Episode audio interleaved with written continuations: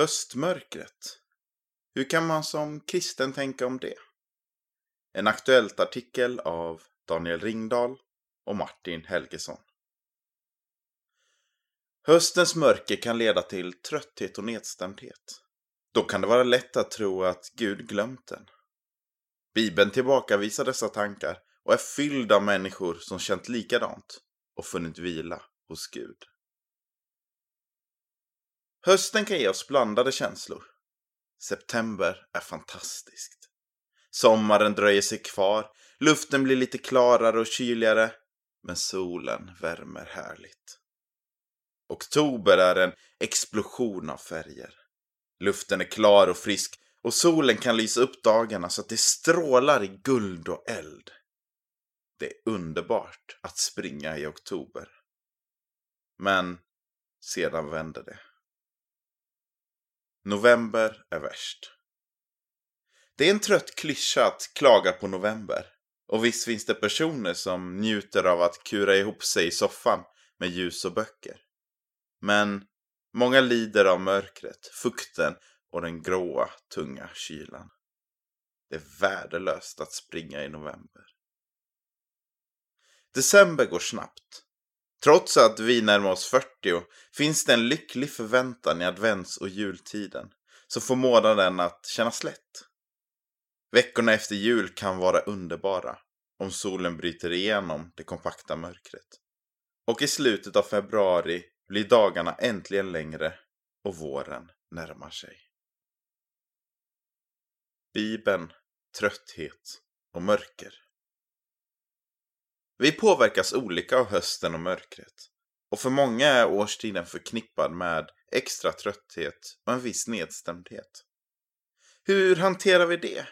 Och kan vi få någon hjälp av Guds ord?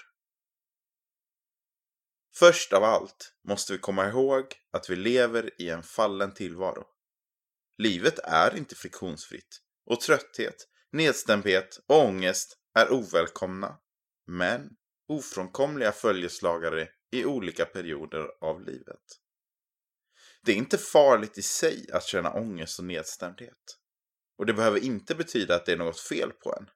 Även om det är lätt att tro det i en samtid som jagar lycka framför allt annat.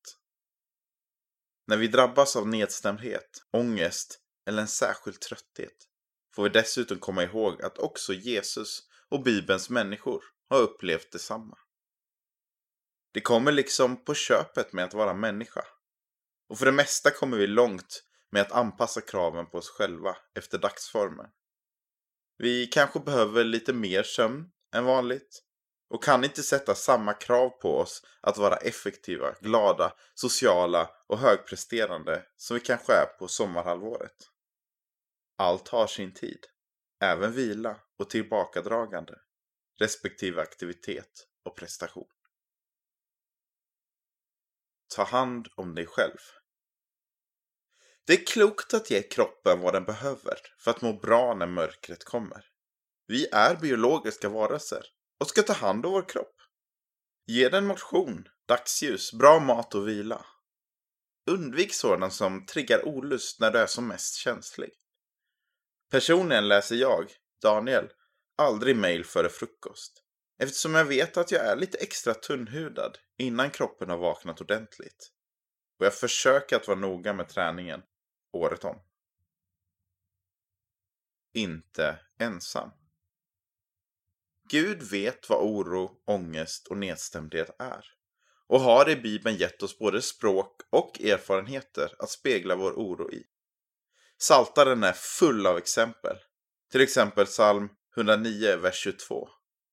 Jag är hjälplös och fattig och mitt hjärta är fyllt av ångest. Bibel 2000.